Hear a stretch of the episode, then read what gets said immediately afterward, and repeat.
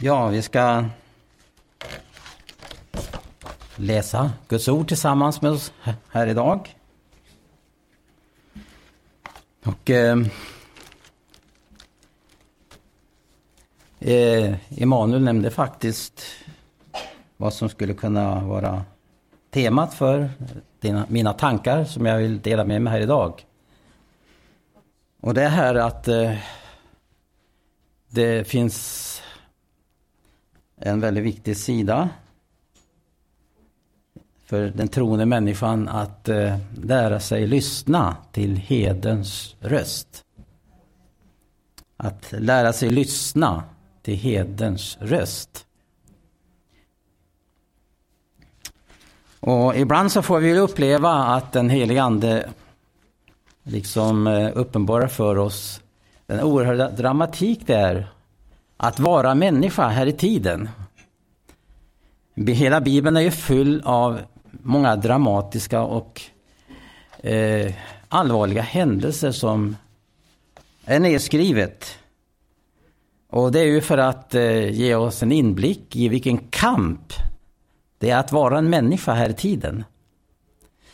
Och det har ju naturligtvis sin orsak, som vi vet, genom syndafallet så är det två makter som härskar och vill regera, vill äga människan.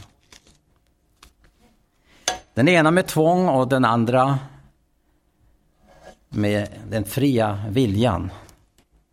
Därför att den fria viljan, är den som älskar människan och eh, också har skapat människan med en egen vilja. Och det innebär att vi besitter väldigt rikedom, en underbar frihet. Och eh, att vi eh, har en väldig förmån egentligen. Vi är fria individer. Och Guds ord vädjar till oss hur vi bör handla i den ena eller den andra situationen. Och det här är naturligtvis på ett särskilt sätt riktad till den troende människan. Att valet ligger i hennes hand. För hennes vandring här i tiden. Och därför så, så eh, förelägger också Mose folket vägen till välsignelse eller vägen till förbannelse. Det står ju så här i femte Mosebok, elfte kapitlet och 27 versen. Ja, vi kan läsa från den 26. Se, jag förelägger eder idag välsignelsen och förbannelse. Välsignelse och förbannelse. Välsignelse om ni hören Herren är det Guds bud som jag idag giver eder. Och förbannelsen om ni icke hören Herren är det Guds bud, utan viken av ifrån den väg jag idag bjuder eder att gå och följa efter andra gudar som ni icke känner. Det här framgår väldigt klart och tydligt att ödet det ligger ju i din och min hand. Men Gud har ju givet i den heliga skrift många förmaningar, många uppmaningar och en underbar vägledning för människan här i tiden. För att hon ska en gång nå sitt eviga hem. För att eh, så länge vi är här i tiden så har vi ju inte upplevt slutfrälsning. Utan det är ju först när livet här på jorden är passé då avgörs det om vi ska gå och ta emot segerkransen. Eller om vi har förlorat vårt mål. Och som jag sa så är ju Bibeln fylld av oerhörda dramatiska händelser. Och man kan ju särskilt att det är speciellt riktat till oss som lever i den yttersta tiden oerhörda dramatiska ting ska utspela sig över hela mänskligheten. Men också riktat naturligtvis som en uppmärksamhet till Guds folk att verkligen iakttaga någonting som är viktigt för vår slutfrälsning. Och därför ska jag bara läsa några ord som jag bara helt eh, apropå kom att se medan jag satt här nere på stolen. Men eh, det är också förenligt med de tankar som jag vill dela med mig här idag. Och det är ju framför allt detta att eh, Gud har ju lagt i våra händer om vi ska ta vara på en sådan frälsning. Jag har många gånger stannat vid det här uttrycket i Hebreerbrevet, en sådan frälsning. Och går det snett för en människa så är det aldrig fel på Gud och hans frälsning. Utan felet ligger ju naturligtvis hos människan som inte har tagit vara på ordet, vägledning och uppmaningar. Vi behöver ju varje dag uppmaningar och förmaningar framför allt. Ja, det står också i samma bok, jag nämnde Hebreerbrevet som just säger detta, förmana varandra så länge det heter idag. Vi behöver förmanas, vi behöver vägledas, vi behöver hjälp. Och eh, Det här avslöjas också när det talas om Eh, jag tänkte nu när vi samlas så här på ett elva möte det har ju en viss karaktär, ett elva möte eh, det är, och speciellt när jag upplevde Naudrabad här, att eh, det är väldigt ödesmättande egentligen. Med dels att lyssna till Guds ord och hur Guds ord mottages i våra hjärtan. Om det ska bli till frälsning, om det ska bli till förbannelse eller välsignelse. Antingen eller. Avvisar vi Guds ord då lämnar vi naturligtvis utrymme för det som leder till förbannelse. Så vi har många exempel på i skriften. Människor som går en annan väg och som inte får uppleva hur Guds ord är frälsande för oss. Och Den som verkligen upplever ordets frälsning får ju verkligen kan ju instämma med salmisten som säger så här, ditt ord är mina fötters lykta och det är ljuset på min stig. Men jag ska läsa här några mycket dramatiska eh, och aktuella bibelord. Som vi faktiskt också står ganska nära inför. Och så, så, här, så här står det i Petrus andra brev, det tredje kapitlet, från den tionde versen. Men Herrens dag ska komma såsom en tjuv och då skola himlarna med dånande hast förgås och himlakropparna upplösas av hetta och jorden och det verk som är därpå brännas upp. Eftersom nu allt detta sålunda går till sin upplösning, hurdana böra ni då icke vara i helig vandel och Guds fruktan? Medan I förbiden och påskyndar Guds dags tillkommelse, varigenom himlar skulle upplösas av eld och himlakroppar smältas av hetta. Men en ny himmel, en nya himlar och en ny jord, där rättfärdighet bor, förbidar vi efter hans löfte. Därför, mina älskade, eftersom I förbiden detta, skulle med all flit sörja för att i mån för honom befinnas vara obefläckade och ostraffliga i frid. Och i skolan hålla före att vår Herres långmodighet länder till frälsning. Så som vår älskade broder Paulus har skrivit till eder. Efter den vishet som har blivit honom given. Så gör han i alla sina brev när han i dem talar om sådant Fastän visserligen i den finnes ett och annat som är svårt att förstå, som okunniga och obefästa människor vrångt uttyda, så som det gör och med de övriga skrifterna sig själva till fördärv. Då är nu sålunda, sålundes, mina älskade, har vi fått veta detta i förväg. så tagen är tillvara för att bliva indragna i det gudlösas villfarelse och därigenom förlora edert fäste. Växen istället till i nåd och kunskap om vår Herres och Frälsare Jesus Kristus. Honom till äran nu och i evigheternas evigheter. Amen. Halleluja. Ja, det rymmer mycket dramatik. Och eh, det finns ju också då någonting som riktas till oss. Där han skriver, därför mina älskade, eftersom i förbiden detta skulle ni med all flit sörja för att i mån för honom befinnas vara obefläckade och ostraffliga i frid. Tänk att det finns en sån väg att få vandra här i tiden. Som i och för sig inte eh, är oöverkomligt, utan tvärtom. En mycket välsignad väg att få vandra. Därför att det sker icke genom eh, våra ambitioner och upplevelser, karismatiska upplevelser som i sig själv är väldigt viktiga. Men då ställer jag ju den här frågan, vad leder den karismatiska upplevelsen till i våra liv?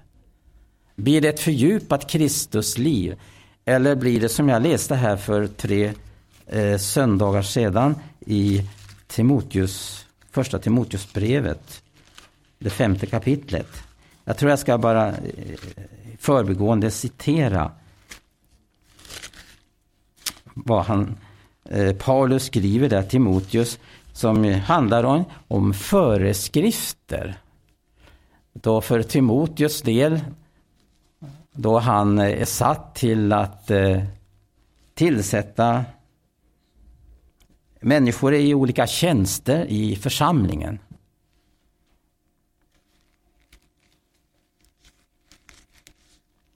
Därför att det här sammanhanget, jag läser nu, in, eh, eller hänvisar inte till det här sammanhanget som jag nämnde, jag läste, läste här för tre, tror jag det tre söndagar sedan.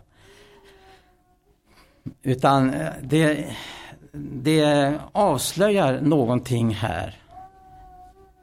Det Paulus skriver om de här förordningarna. Någonting som verkligen vi ska ta fasta på och som är väldigt vägledande för oss. Och det är det här att hur olika ting i en människas liv kan vara avledande för henne. Det finns ting som vi möter i vår, på vår vandring som, som har den inverkan att det är avledande för oss. Det finns inom oss, det finns utom oss. Och det är ting som Gud har eh, satt oss till att bli övervinnare över. Den som övervinner, han av Herren får en sten, sjunger vi så. Vi är ju kallade till att bli övervinnare. Det finns många ting, verkligen ting, som är avledande och som kan bringa oss på fall. Och jag tänker på det här ordet när Petrus skriver så här i sitt andra brev att för den som gör sin kallelse och utkårelse fast. Han ska inte komma på fall. Det vill ju säga att om man inte gör det så kommer man förr eller senare på fall. För vi måste konstatera, vad är det som gör mig till övervinnare? Vad är det som gör mig till övervinnare? Men om vi då stannar inför det, vad är det som också kan avleda? Mig. Så är det naturligtvis viktigt att få att ta del av vad skriften talar om det här. Och har så många exempel. Har framställt i skriften så många exempel där människor har låtit sig avledas och bortföras. Och inte som vi läste här i eh,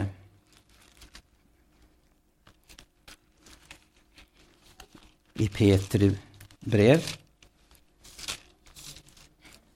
Det var ju det andra brevet vi läste.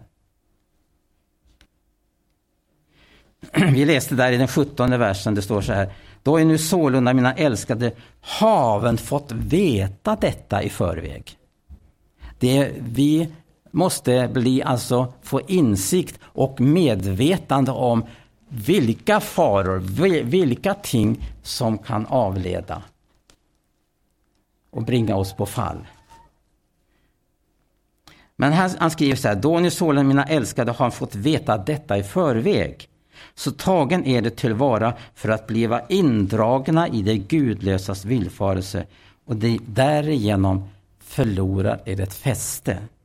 Växen till istället i nåd och kunskap om vår Herre och Frälsare Jesus Kristus.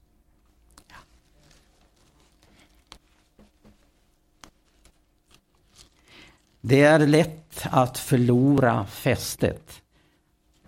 Men det är underbart att Bibeln visar på en väg där vi blir övervinnare. Och det här är ju inte överlämnat åt något diffust. Någonting som eh, har med en känsloupplevelse att göra. Det kan ju föra med sig oerhörda upplevelser att bli fylld av den heliga Ande som man blev på pingstdagen. Men vi vet ju att denna upplevelse de var med om, det ledde ju fram till någonting där ordet blev synliggjort i människors liv. Alltså, det den heliga Ande uppenbarade, det var någonting som blev upptaget i deras liv och förverkligades. förverkligades. Vi, ska, vi läser här i Petrus brev till exempel, eh, där han talar, eh, nej förlåt, i, i eh, Timoteus brevet. Då det handlar om att tillsätta tjänster, uppgifter i församlingen. Och han talar om till exempel om eh, en värnlös änka som sitter ensam, att hon har sitt hopp i Gud och håller ut i bön och åkallan natt och dag. Men sådana som allenast gör sig goda dagar, hon är död fastän hon lever. För den skull eh, förehåll dem också detta så att man icke får något att för, för, förvita dem. Och så skriver han också om unga änkor.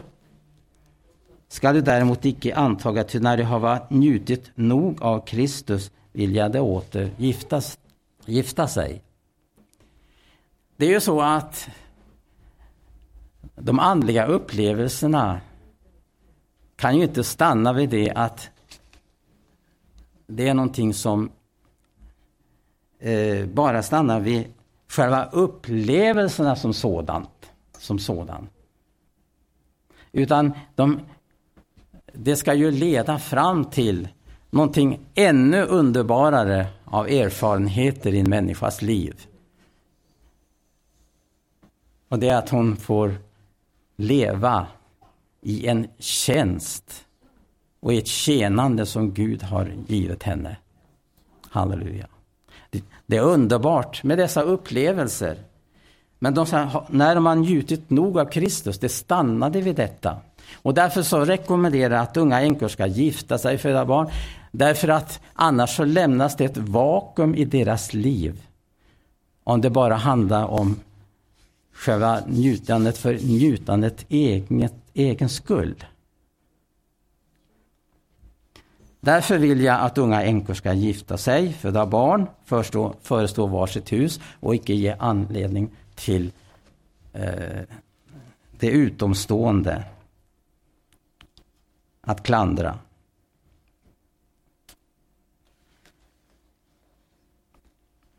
Och det här kommer ju någonting väldigt viktigt fram. Här, i den här, just i det här sammanhanget, i de här föreskrifterna Paulus ger Timoteus.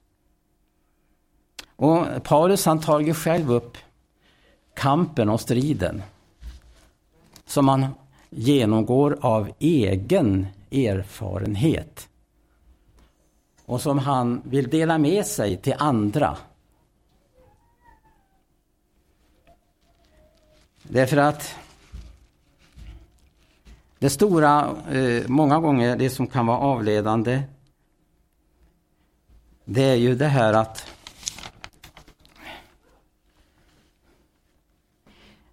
det är Guds ord som vi mottager i våra hjärtan inte får några praktiska konsekvenser. Och För det som verkligen gör oss till övervinnare, det är det som eh, Johannes skriver i sitt brev. Första brevet, Johannes första brev. Och han skriver eh, där i andra kapitlets fjortonde vers, i slutet av versen så står han eh, Jag skriver till eder i ynglingar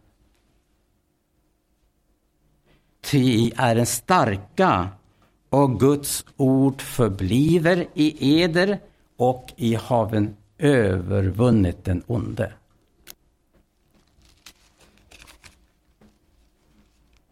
I är en starka, ty Guds ord förbliver eder och i haver övervunnit den onde.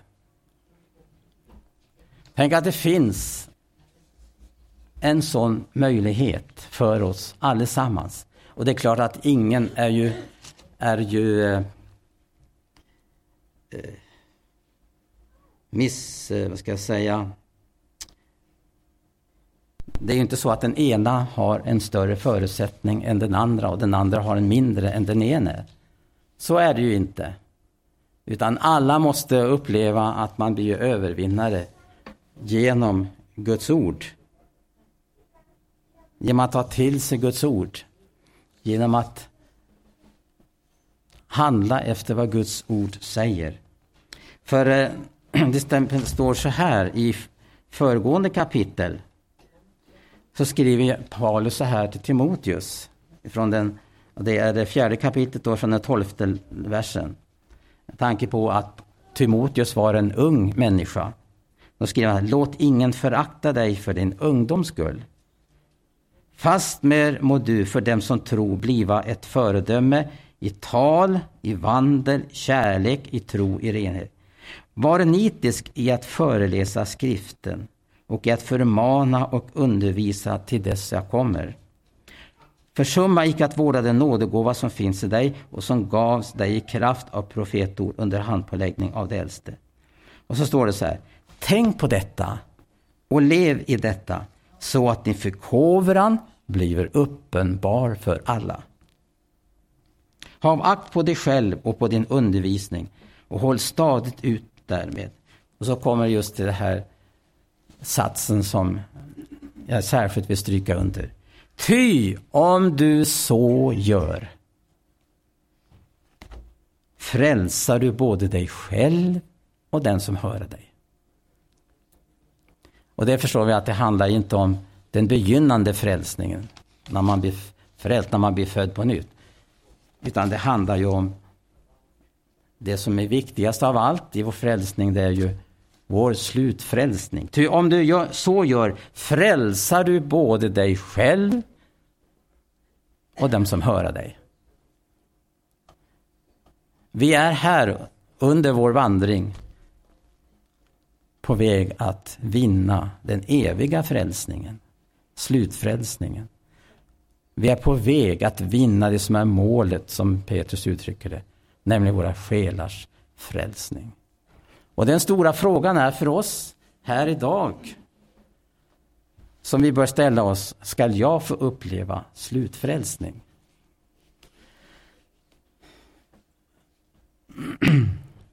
Jag citerade nyss ifrån Petri andra brevs första kapitel att den som gör sin kallelse och utkårelse fast skall inte komma på fall.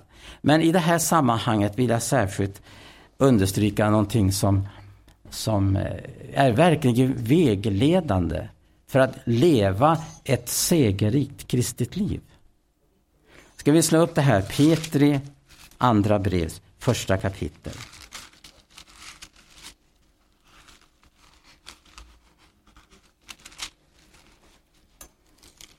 Många kan ju stanna vid den här tanken att det här, att det är en sådan kamp, att det fordras så mycket av mig,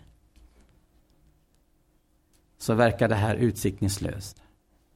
Men då har man inte tagit med vad Petrus skriver i det här sammanhanget jag vill hänvisa till.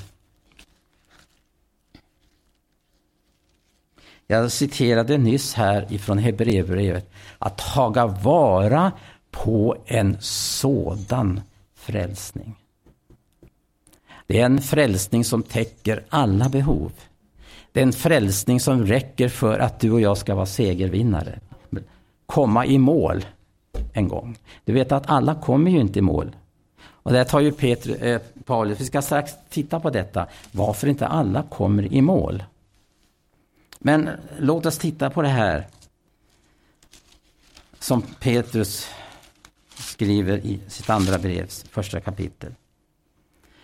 Och jag vet när jag upptäckte den här versen, just den tredje versen, så var det ju en kolossal upplevelse. Att upptäcka någonting eh, ännu starkare, med ännu större insikt. Vad Petrus verkligen vill säga här. Och han skriver ju så här att allt det som leder till liv och gudsfruktan, det har hans gudomliga makt skänkt oss genom kunskapen. Det här stämmer också vad som Paul, eh, eh, Paulus inleder Efesierbrevet med. Välsigna vår Herre Jesu Kristi Gud och Fader, som i Kristus har välsignat oss med all den himmelska världens andliga välsignelser. Det är utgångspunkten för att du ska bli segervinnare. Det är att du är medveten om det, att allt det som leder till liv och gudsfruktan, det har hans gudomliga makt skänkt oss genom kunskapen om honom. Vi behöver, vidga, vi behöver en djupare kunskap om frälsningen. Därför, det som verkligen kännetecknar en segervinnare, det är att han har kunskapstörst, hunger. Och som eh, också Jesus säger i bergspredikan, saliga är de som hungrar och törsta efter rättfärdighet. Därför att det här livet som verkar med sin egen dynamiska kraft. Om det, blir, om det är så att vi avskiljer ifrån det som det nya livet inte kan leva tillsammans med. Så kan vi ju naturligtvis aldrig få uppleva detta, att allt det som leder, livet, Guds, leder till liv och Guds fruktan. Därför att det här livet trivs inte tillsammans med andra intressen som vi måste göra oss av med. Och som man också, om det är som det ska vara i ett kristet liv, när man börjar sin vandring uppleva att det här som jag nu står inför, det kan aldrig förenas med det nya livet. Och du kommer att få uppleva det att allt mer under vandringen, om det här livet får gestaltas i dig, du kommer att fly allt detta som inte är förenat med det nya livet. Hata det som pesten, fly det som pesten. Och det är därför som Petrus skriver, nej, Paulus skriver symptom fly. Och det här ordet möter vi på ett antal ställen i Bibeln. Fly för ditt livs skull. Det kan, nya livet kan aldrig förenas om du har intressen för det som eh, den ande som härskar i världen. Det kan ju ge oerhört stimulans. Det kan ju väldigt ge inspiration och glädje faktiskt den ande som härskar i världen. Men den kan ju aldrig förenas med det nya livet.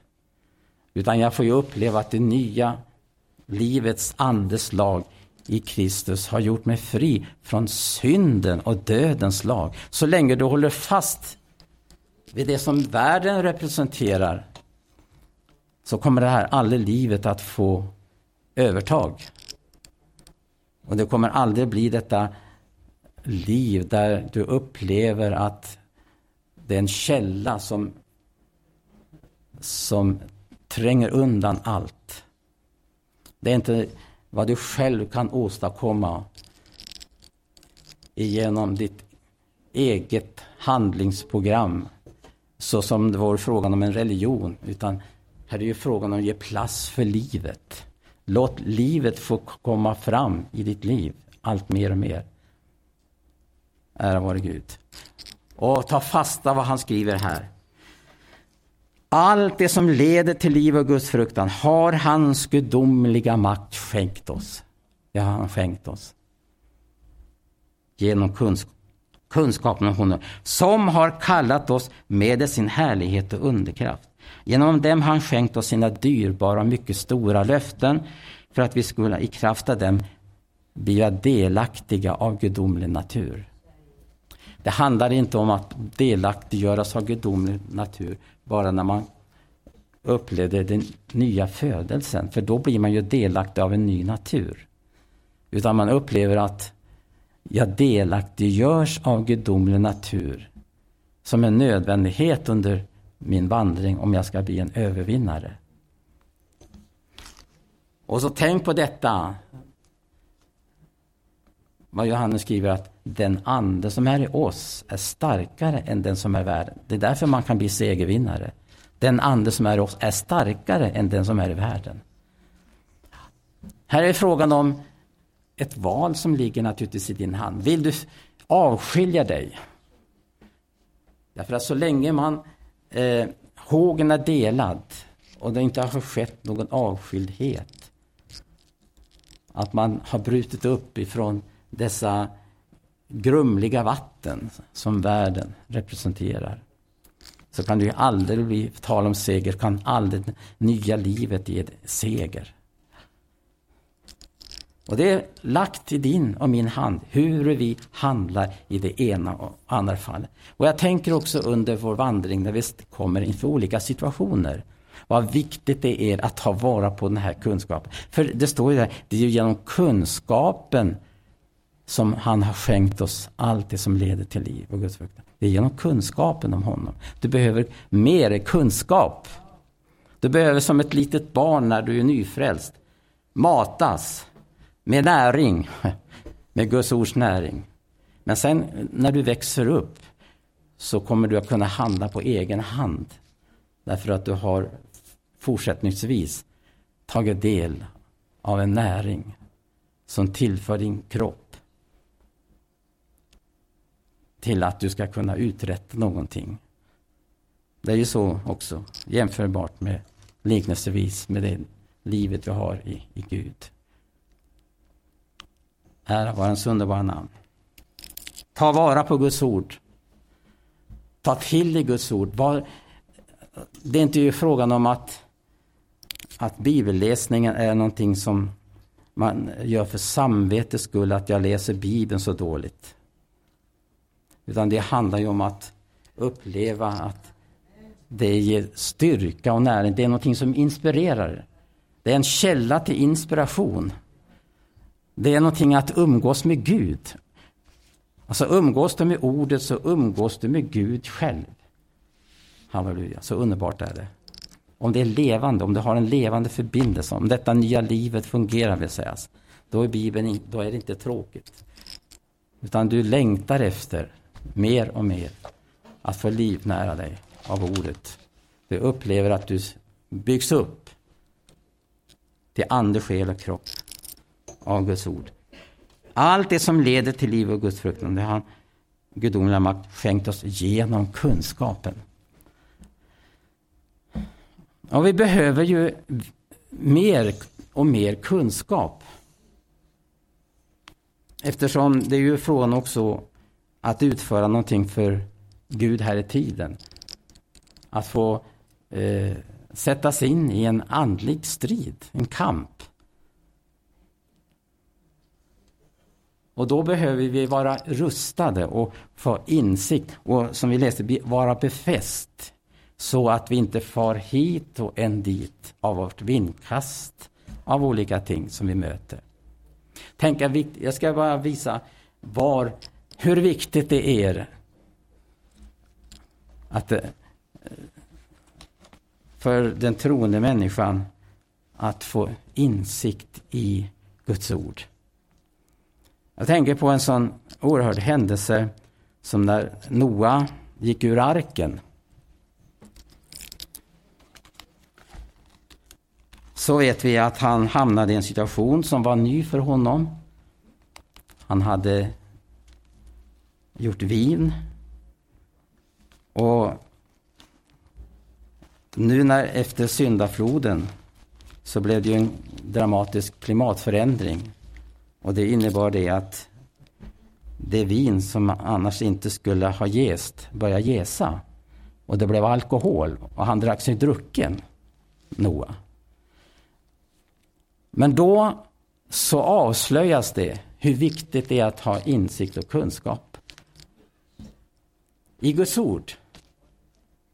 Därför att en av sönerna, så hans handlingssätt ledde till förbannelse medan de andra ledde till välsignelse. Ni vet hur han låg blottad i tältet. Och ni vet, den första, Kanan, hans beteende. Och eh, de andra sönerna, de, de handlade på ett helt annorlunda sätt. Därför att det handlar ju om en uppenbarelse som man kan ta vara på. Var, hur är mitt handlande? Är det i överensstämmelse med Guds ord? Eller är det bara någonting som jag handlar av, eh, ja, av mänsklig insikt eller, eller bara på en höft? Det är inte så noga.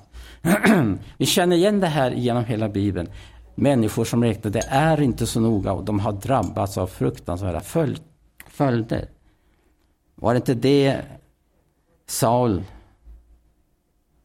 Saulus eh, tänkte? Det är inte så noga. Men profeten Samuel avslöjade, du har handlat emot vad Gud har sagt. Och vi vet vilka följder det drabbade Saul.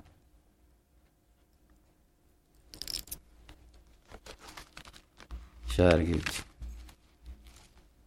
Eh, eh, David, han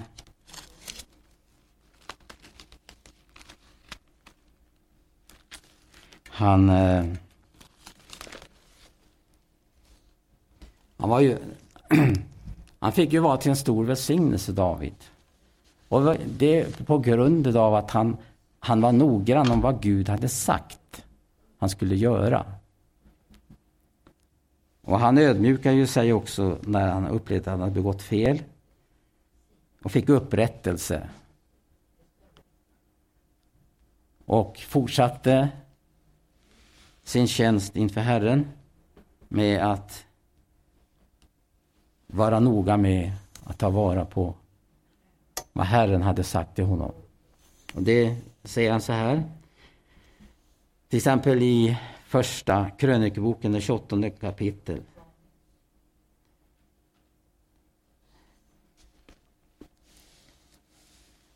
Och det är ju klart, vartefter vi växer i uppgiften och tjänsten, ju större ansvar lägger ju Gud också på oss.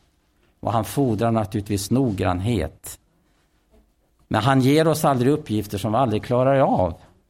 Utan allting sker utifrån den andliga tillväxten hos var och en. Allt sker i överensstämmelse. Och Gud frestar ingen. Men han hjälper. Halleluja. Om vi lyssnar på lärjungas sätt. Om vi tar till oss hans ord. Och det gjorde David och där står det så här i 19 versen. Och allt sammans sade han har Herren undervisat mig genom en skrift av sin hand. Och allt som skall utföras i enligt med mönsterbilden. Kära Gud. Det gjorde David till segervinnare i hans tjänst för Gud. Halleluja. Det finns många exempel. Människor som räknat det är inte så noga. Utan också, men framför allt det här att inte förstå insikten att det är Guds ord som är avgörande i en, en och andra fallet. Att ha till sig Guds ords vägledning. Det är övervunno, står det, djävulen, genom att Guds ord förblev hos dem. Ni har övervunnit den onde, för Guds ord förbliver eder. Halleluja. Och det är klart det är väldigt viktigt egentligen. Jag tänker på undervisningen i församlingen. Jag tänker på vad Paulus skriver att många behöver inte uppträda som lärare för att de ska få desto strängare dom och de ska göra, göra, lägga, göra räkenskap för dem som de har undervisat. Det är aldrig frågan om någonting som sker på en höft eller genom känsloupplevelser utan det handlar ju om att bli befäst i Guds ord. Många gånger genom möda. Ni vet att han som byggde sitt hus på Hälleberget, han möda sig om att gräva ner tills han kom till Hällebergets grund. Det vill säga, han kom ner till ordets grund. Tänk när vårt liv är, har fäste i Guds ord.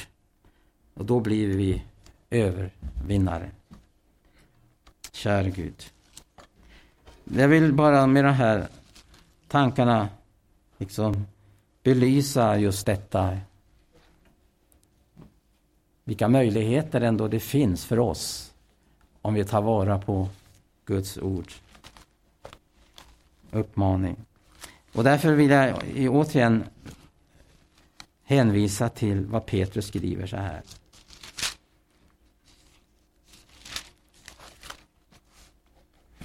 För det stora problemet, tror jag, har alltid varit för Guds folk.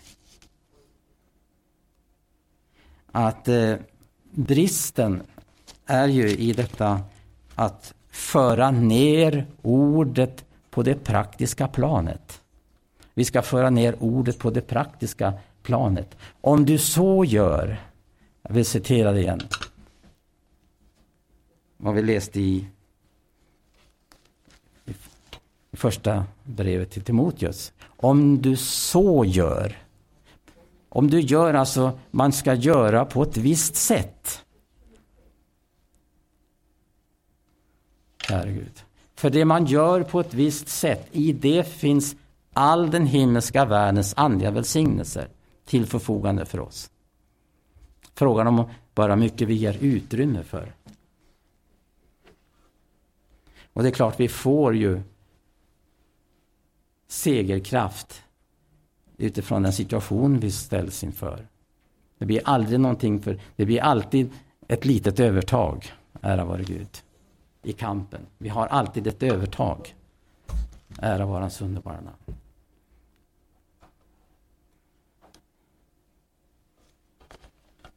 Och Gud ger ju kraften inte för att njuta utav den i första hand, även om det är underbart. Och det tillhör också vår frälsning, att få njuta utav Kristusupplevelsen, härlighetsupplevelsen. Men hur många är det som inte nöjer sig med en härlig upplevelse och aldrig kommer till insikt att detta? Vad Gud vill med denna upplevelse, det är att jag ska föra ner ordet på det praktiska planet. Kära Gud. Jag ska föra ner ordet på det praktiska planet. Det gjorde Abraham. Och det kan också bero på just att man saknar insikt om Eh, och inte skiljer på detta som eh, dels står i Romarbrevet om Abraham och det som Jakob säger om Abraham. Och det kan verka helt motsägelsefullt om inte man förstår att skilja på de här två tingen. Om vi slår upp till exempel, eh, vi kan ju dröja lite med det här i Peter andra brevs första kapitel. Och till exempel i Romarbrevet jag ska ta det här som exempel för hur viktigt det är att få rätt insikt i Guds ord.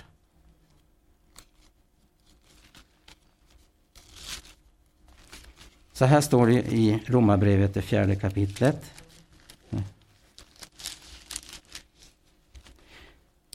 Det börjar så här, från första versen. Vad skola vi då säga om Abraham, vår stamfader efter köttet? Om Abraham blev rättfärdig av gärningar, då har han ju något att berömma sig av, dock icke inför Gud. Vad säger skriften? Abraham trodde Gud och det räknade honom till rättfärdighet. Medan Jakob säger så här.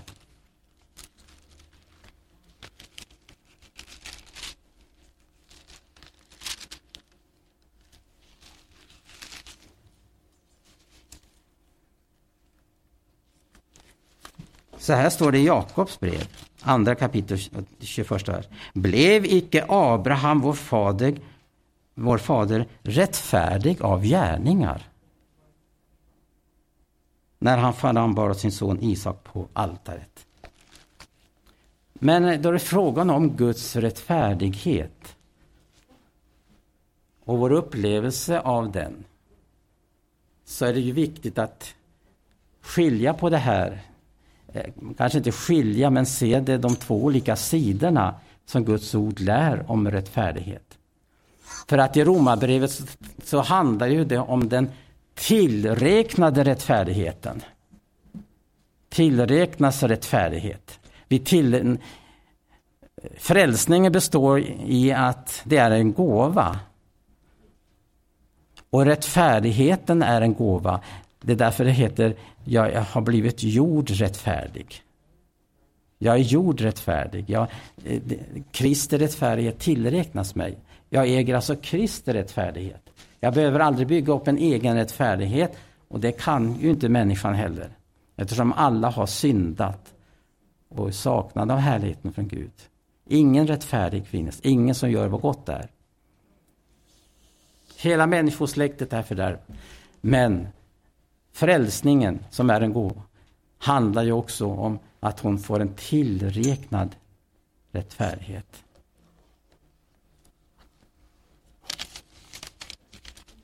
Men vad Jakob menar så handlar det om den rättfärdighet, rättfärdighet jag mottagit handlar också om att utöva rättfärdighet.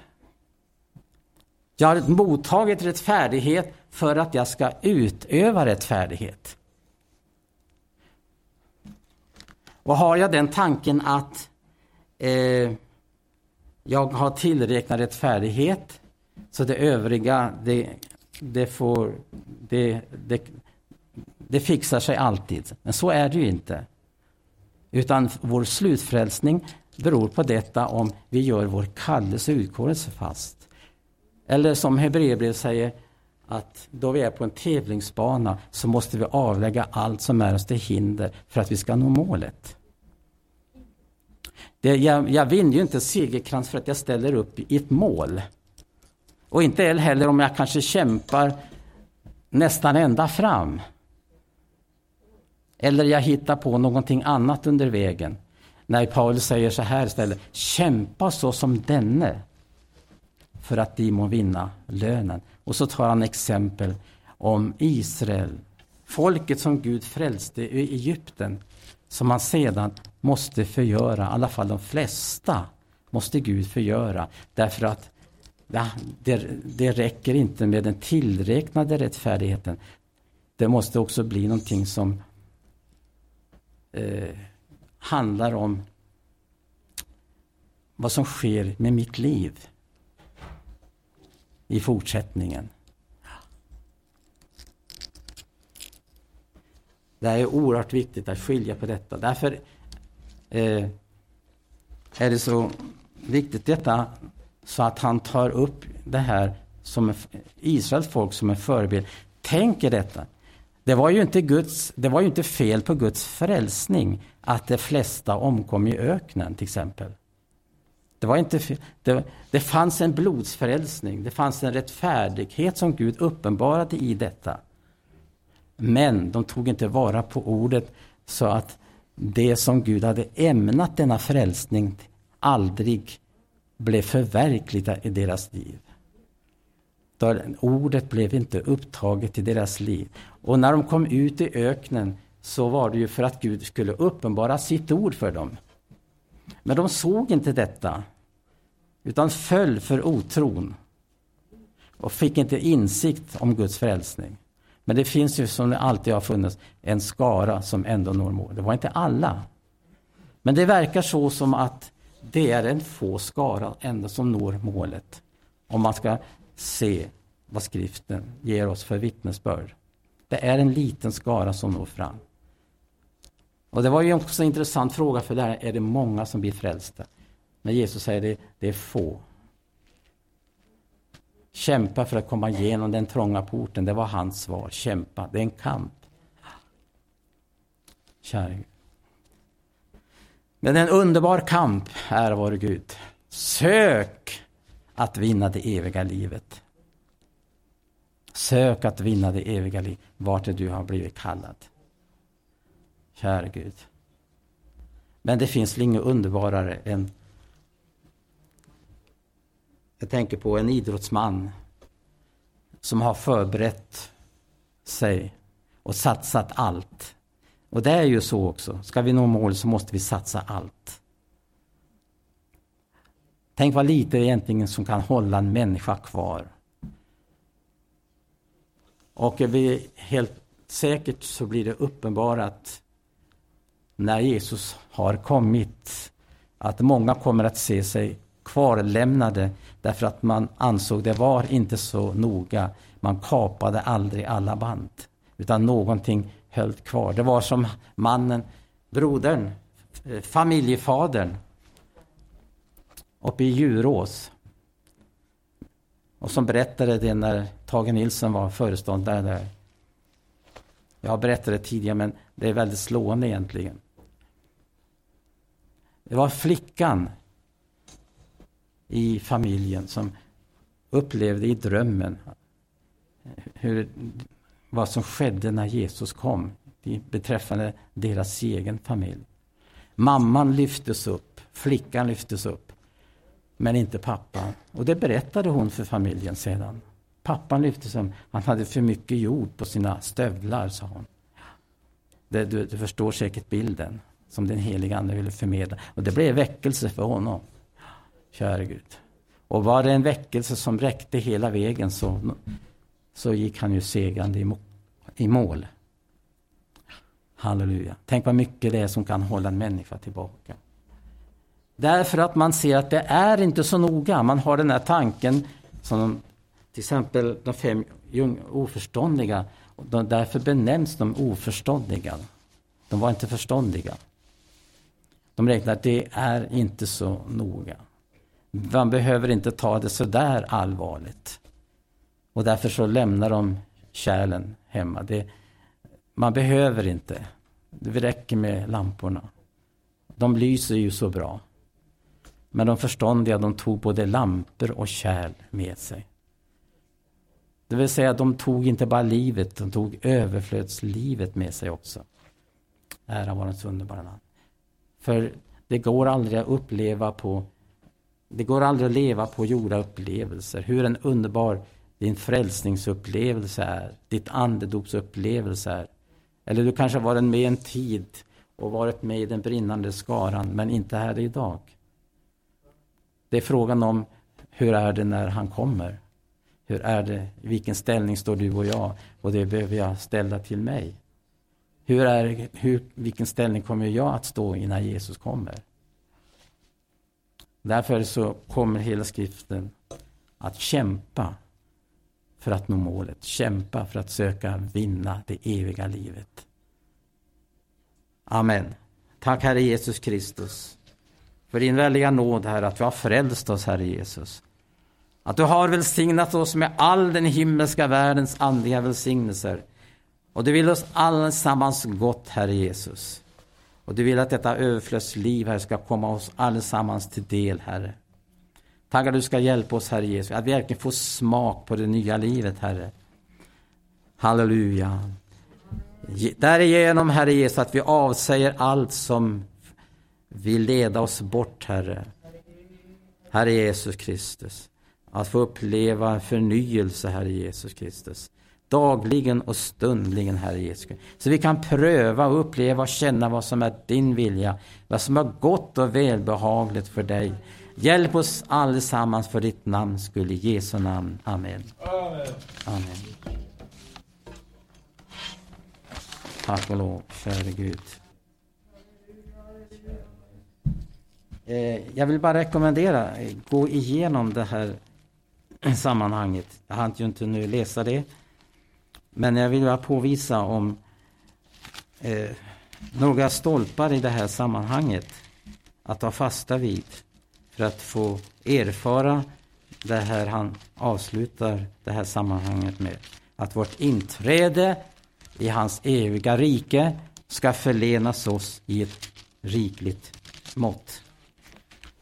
Alltså Peter andra brev, det första kapitlet. Och jag har ju så redan citerat allt det som leder till liv och gudsfruktan. Det har hans gudomliga makt skänkt oss. Och eftersom vi står i den ställningen, ära vare Gud. Därför att det handlar ju inte om att, att eh, handla utifrån vad en människa förmår. Det är aldrig Gud. Därför att ju Gud som verkar, att hans vilja sker med oss.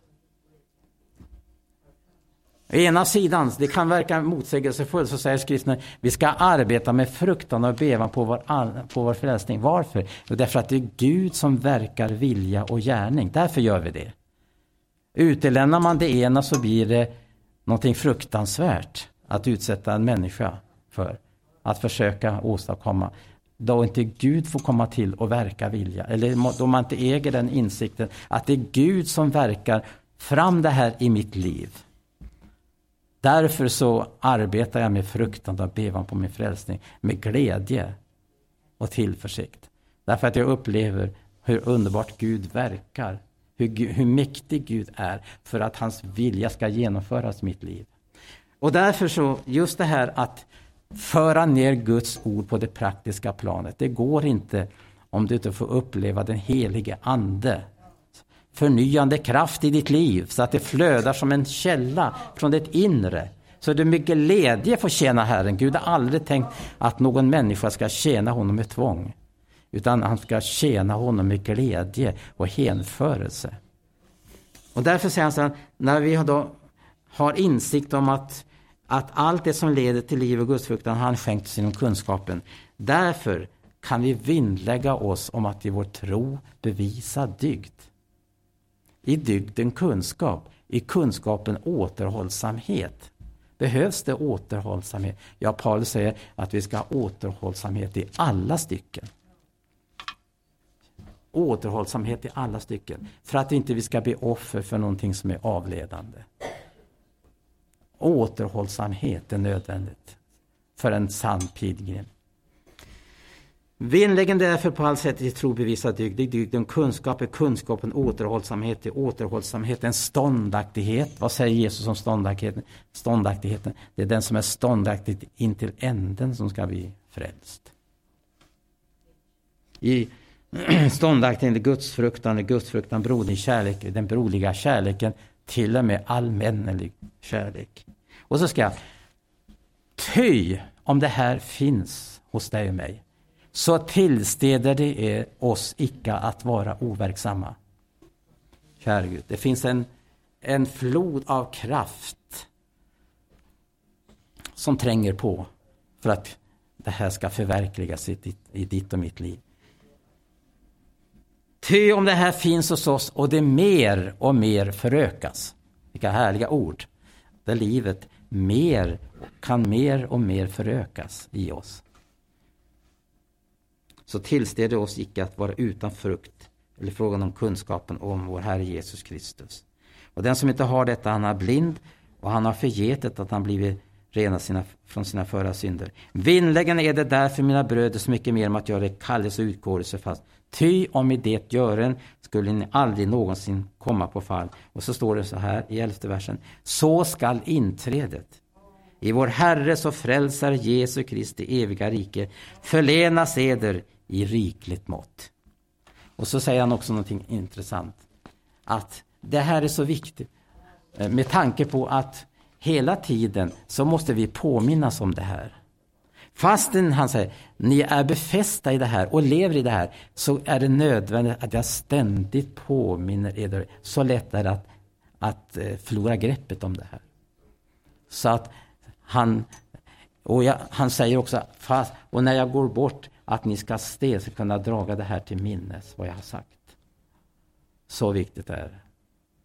Och må vi vara Maria-själar som satt, satt ner hos Jesus och lyssnade och tog emot ordet och fick visdom och insikt. Halleluja. Och som blev henne till frälsning. För Jesus säger det, hon har utvalt den goda delen och den ska inte tagas ifrån henne. Amen.